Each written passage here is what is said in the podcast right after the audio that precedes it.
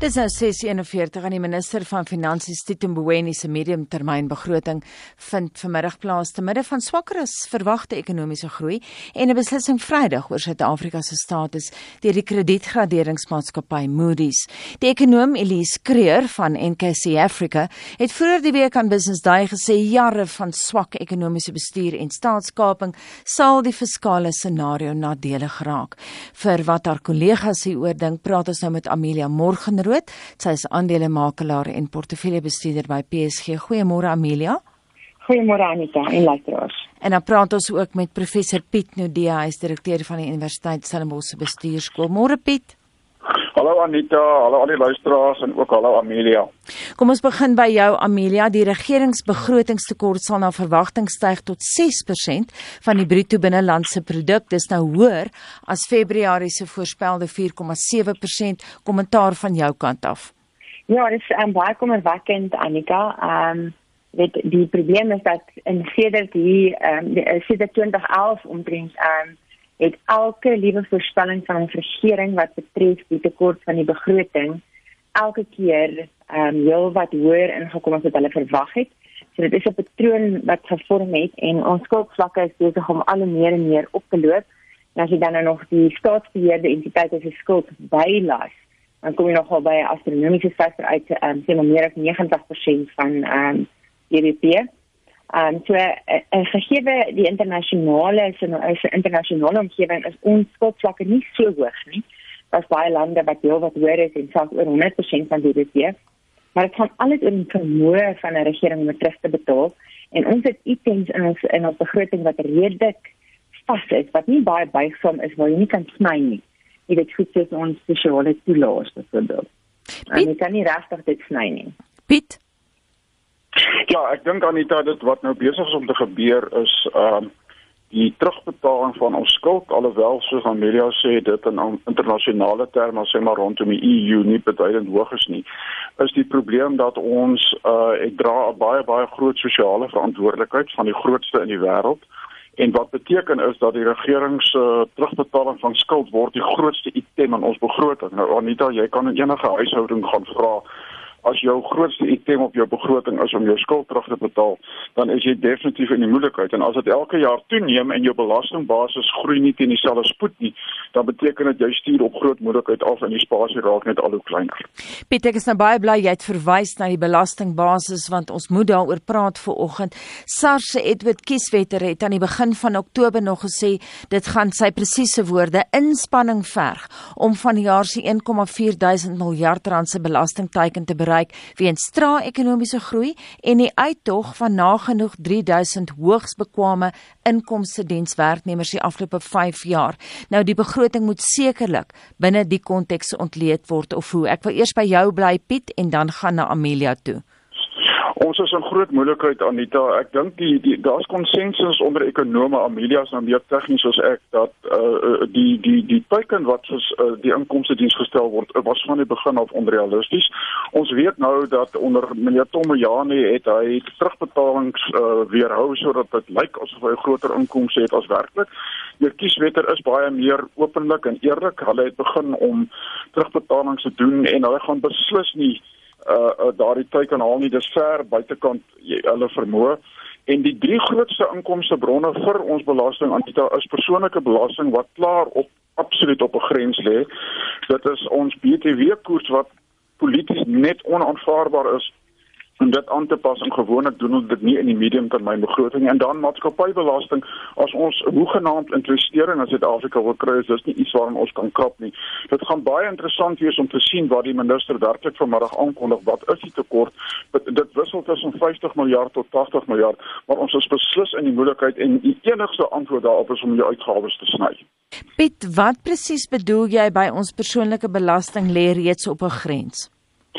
Die punt is Anita, jy het nou gehoor, eh, ek het nie die ek is nie altyd seker of die uitsprake wat gemaak word oor emigrasie of mense wat die land verlaat uh, altyd 100% korrek is nie. Baie vinnig net ons eie binnelandse sake hou nie daarvan 'n boek nie en ons moet 'n staat maak op lande soos Australië of Kanada om vir ons 'n soort van sekondêre inligting daaroor te gee. Die punt is net uh, uh as jy by 45% kom op die hoogste koers, dan beteken dit byna die helfte van alles wat jy verdien gaan terug na die staat toe en dit spoor mense aan om eerder hulle bates na die buiteland te verskuif. En uh, dit is 'n beduidende faktor omdat ongelukkig is persoonlike belasting omtrent 38%. Dit is die hoogste inkomste item in ons begroting. As daai mense begin skuif of mense voel nie dis die moeite werd om inisiatief te neem omdat jy geen in elk geval die helfte weg, dan bereik jy 'n grens waar 'n hoër belastingkoers nie effektief vir jou meer inkomste bring nie. En my gevoel in die statistiese ontledings daarvan sê vir jou, ons is nou op daai grens. 'n Hoër koers gaan jy nie vir jou meer geld bring nie. Amelia, dink jy ons kan belastingverhogings verwag vanmiddag? ek twyfel ten sterkste ehm um, Anita. Die probleem is dat die afgelope klompe jare is verskeie van ons belasting gereed verhoog. En persoonlike inkomstebelasting en belasting ehm um, BTW is verhoog. Ehm um, dit ons op die stadium is die insluitingskoers vir kapitaalwinstbelasting verhoog. So ons het soveel uh, verhogings van belasting gehad in die laaste klompe jare dat ek dink dit gaan nie moontlik wees um, vir ons regering nie. Jy weet BTW verhoog en BTW se bydrae ehm um, vir die staatskas ehm um, het verminder met 2.3% jaar op jaar terwyl die regering begroot het vir 11% verhoging vir voljaar. Nou goed, daar is redes ook voor ehm um, deels omdat um, in die verlede is daar onder die vorige bedeling heel wat BTW terug uh, terugbetalings aan maatskappye weerhou van hulle en ek dink dit is dis en dit is gedien met die doel om ons um, om ons staatskasse inkomste meer en beter te laat lyk. En dit is nou besig om uitgesorteer te raak. Ek dink 'n um, groot deel van uh, baie van daardie ehm um, van daardie terugbetalings is aan maatskappye gedoen. So dit veroorsaak dat hoewel ons BTW koers opgeskuif het, dat ons net die inkomste verlaag het uit daar uit uit uit daardie uit dit uit. En dan maatskappybelasting dieselfde, dit is nog steeds omtrent 20% van die totale inkomste. Ehm um, dit is nou op net 1.9% vir die voljaar um, terwyl die regering eintlik verwag het dat dit 8.5% is.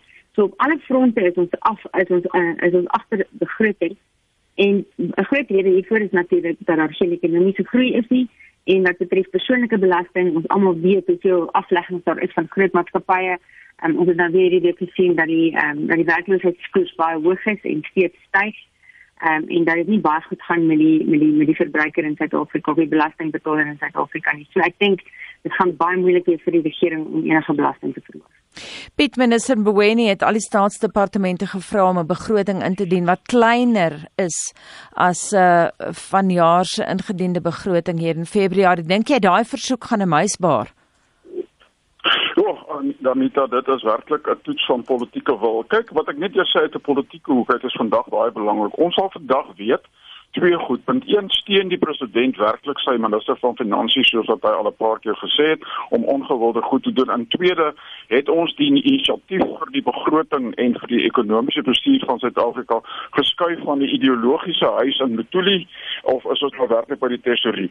Maar kom ons kom vinnig daar. Jou probleem is al sou hy inderdaad die uh, algemene begroting van departemente afwaarts aanpas. As jy nie die personeelbegroting aanpas nie, jy pas net die uh, sal ek maar sê die die uh, normale uitgawes wat jy moet aangaan. Wat dan gebeur is dat die proporsie van salaris raak dan proporsioneel al hoe groter en jou vermoë om dienste te verskaf raak natuurlik al hoe kleiner. So kom ons sê meneer Mboweni is werklik ernstig. Hy sny die operasionele uitgawes met 5% vandag, maar as hy nie raak aan die aanpassing aan die salariskant en dan beteken dit eintlik dit lyk of hy 'n goeie ding doen maar hy druk ons af op 'n punt waar ons minder in staat is om die noodsaaklike dienste van die staat te lewer. Amelia, kom ons praat 'n bietjie oor Eskom. Ons het nou geluister na Pravin Gordhan wat gesê het die sperdatum vir die verdeling van Eskom is 31 Maart 2020. Ons kan sekerlik verwag dat Mboweni terugvoer gaan gee oor daai bykomende 59 miljard rand se hulp aan van Eskom die belastingbetaler verwag beslis meer besonderhede. Ja, en dan het hulle gesê hulle gaan voort met hulle plan om Eskom op te deel. Ehm um, daar gaan eerstens 'n uh, aparte transmissiemaatskappy ehm um, op die been gebring word. Ehm um, uitgesê vir die toekoms van Eskom is die langtermynplan en die besigheidsstrategie ehm um, gaan nog steeds voort en hulle gaan nog steeds daardie ehm um, reddings reddingsboei vir Eskom gee maar hulle gaan binne in die mediumtermynbegrotings 'n uh, raamwerk wat vandag uit wat dit vandag gaan vir ons gee, gaan hulle vir ons beter um, inligting gee rondom wat hulle beplan met Eskom. Ehm um, blykbaar is die verdeling van die transmissiemaatskappye op sy eie entiteit 'n redelike sleutel beweging omdat dit ons meer kom, kompeterend maak in die energiemark. Ehm um, ja, dit is dit is maar ook 'n vraag of dit werklik gaan waar op aan die ek weet nie Ehm um, ek is onseker of 'n maatskappy wat in die tipe moontlikheid is is wat Eskom is, ehm um, of dit werklik gaan enige enigstens betekenisvol wees om dit net op te deel in meer entiteite as dit maar net meer van dieselfde gaan wees wat jy gaan kry. As daar nie 'n wesenlike verandering kom in bestuur of in jy voel like mense wat daar werk nie, um, dan kan ek nie sien, ek kan eintlik sien hoe sê wat dit gaan gaan betekenisvol wees. Piet, uh, klink of jy daar saamstem. Ek weet jy het nou pas 'n stuk geskryf oor vakbonde en jy het Eskom hmm. as 'n voorbeeld gebruik. Ja, die punt is Anita, uh, laat ons net 'n oomblik ons gedagtes laat teruggaan toe die nuwe uh, hoofuitvoerende beampte van Eskom wat nou 'n handdoek ingegooi het, um, en ek hoop sy opvolger word nou binnekort aangekondig. Toe hy Eskom oorneem, toe sê hy mense, ek het 'n bankrot besigheid hiervoor, maar so ek wil net vir julle sê dit gaan onmoontlik wees om salarisverhogings toe te staan. En wat toe gebeur het is twee goed. Punt 1 is die vakbonde begin om aktief Eskom te destabiliseer. Ehm um, en punt 2 is uh, die einste meneer Provin Dargon het in Gordaan het ingekom en hy het 'n massiewe salarisverhogings vir daardie bankrotmaatskappy oor 'n tydperk van 3 jaar goedgekeur. Geen wonder die hoofuitvoerende beampte het maar geloop nie want ek meen dit maak dit vir hom onmoontlik. Die probleem is dat Eskom 'n staatsmonopolie en hy verskaf 'n uh, essensiële diens. Belangrik dat ons die twee goed vashou. Dis 'n monopolie wat 'n essensiële diens verskaf, maar ons almal weet dat in internasionale terme het Eskom te veel mense en hulle word gemiddeld te veel betaal. So wat nou gebeur is Daai klein groepie bevoorregte mense sit 'n pistool teen die kop van die hele Suid-Afrika, van die armste tot die ryke. En ek vind dit totaal onaanvaarbaar dat uh, 55 miljoen mense soort van pistool in die kop gehou kon word en 'n groepie bevoorregte mense wat nie bereid is om op 'n rasionele manier binne die beperkings van die wet die personeelvermindering van Eskom te oorweeg nie. Amelia is reg, daar's twee goed wat Eskom, jy kan hom opdeel in 10 stukkies of in 3 stukkies, maar as jy nie sy skuld hanteer en sy personeel hanteer nie en dis die twee moeilike politieke dinge, dan sien ek nie 'n maklike uitkoms vir Eskom nie. Amelia, kom ons beweeg weg van Eskom. Wat gaan die minister sê oor die verwagte ekonomiese groei? Ja, ehm um, ek weet daar's baie inisiatiewe om ons ekonomie te laat groei. Ons weet almal praat daarvan dat daar een groot struikelblok is en dit is hoe moeilik dit vir 'n maatskappy is om die been te kom in Suid-Afrika en hoe moeilik die bureaukrasie of die bureaukratiese prosesse is. Ehm um, en goed, ons praat baie daarvan en daar word baie oor gesê dat dit uh, dat hulle dit gaan verander, maar dit gebeur nie regtig nie. So ek dink um, om ekonomie te groei regtig aan die gang te kry gaan gaan daar meer effektiwiteit van ehm um, staatsdepartemente en van ons plaaslike owerhede se kant af moet wees. Ehm um, so ek kan nie eintlik sien ehm um, dit hoe hulle ekonomiese groei gaan bewerkstellig nie. Ek is self elke jaar verbaas oor die vooruitskatting wat hulle maak van eh uh, die groei van die inkomste van die staatskas. Hoe hulle die twee bymekaar bring. Hulle hulle hulle erken dan nie ekonomiese groei is nie, maar dan sal hulle sê hulle verwag dat die inkomste ehm um, vir vir vir ons ehm um, vir vir die tesorie sien maar met 10% sal styg. En dan is daar 'n groot ehm um, daar word 'n groot gewag gemaak elke liewe jaar as hulle nou hierdie teikens baie keer mis.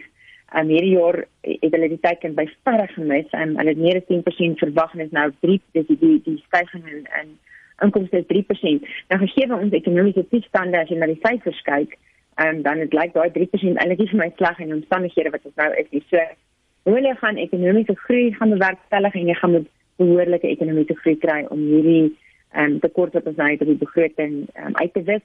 Daar word gepraat van dat ons ten minste uh, 'n standaardende 2.5% ekonomiese groei sal moet hê om dit te kan um, regkry.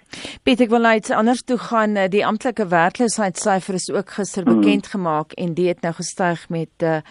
Uh, dit staan op 29,1. Minister Mweni sal sekerlik vanmiddag daarna verwys of hoe?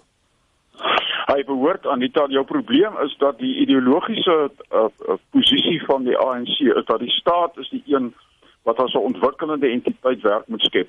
En ons almal weet die bewyse oor die wêreld is is dat jy uh, wat jy moet doen as 'n staat is om vir die private sektor die korrekte omgewing te skep deur dit maklik te maak om besigheid te doen deur jou kleiner besighede waar werk werklik geskep word die kans te gee.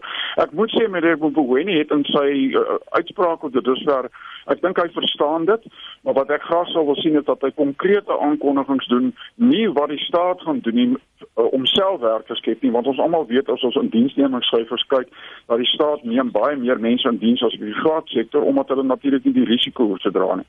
En wat ek hoop is dat hy vanmiddag uh, een of twee belangrike goed gaan sê rondom die vermoë van die staat om dit die private sektor moontlik maak om werk te skep. Dit is natuurlik 'n komplekse probleem wat hy alleen nie kan oplos nie. Dit het te doen met ons opvoedingsstelsel, dit het te doen met ekonomiese groei, maar Anita, ek hoop dat hulle dit ernstig neem. 29.1 is maar net die amptelike syfer. Ons almal weet dat dit in werklikheid baie hoër is. Amelia Lasens en kortliks asseblief graderingsagentskappe, kom ons kyk daarna. Moody's gaan Vrydag aankondig of ons afgegradeer gaan word. Nou Mrs Day het die week verwys na die feit dat die ekonomiese vooruitskatting sedert Februarie verswak het. Hulle gaan sekerlik hierdie begroting met arendsoe dophou. Ja, hulle het reeds gesê dat hulle besluit van definitief afhang van 'n uh, 'n um, 'n behoorlike omkeerplan vir Eskom en hulle wil ook beleidsveranderinge hê of um, hmm. intervensies hê om om dit um, om, om die spandering te verminder van staatsdepartemente se kant af veral op die salarisrekening van die staat wil hulle sien. En ek dink op hierdie stadium lyk dit asof daar heel wat ehm um, ehm um, dit sny van van van die departemente gaan wees, maar ons weet nie of dit nou op die regte plekke gesny word nie. Baie ek dink dit gaan vermoedens baie belangrik wees om te sien of daar is kom om keer planne op die op die ons hoop dat hulle tevrede sal wees met hierdie um, verdeling van die Baie dankie en so sê Amelia Morgenrood sy is aandelemaker en portefeuljebestuurder by PSG. Ek het ook gesels met professor Piet Nudee, direkteur van die Universiteit van Stellenbosch se bestuurskool. Isak. Ons praat vanoggend oor 'n uh, uh, be bevinding dat die mense oorsprong moontlik in Botswana kan wees. Jy moet na die bydrae hierna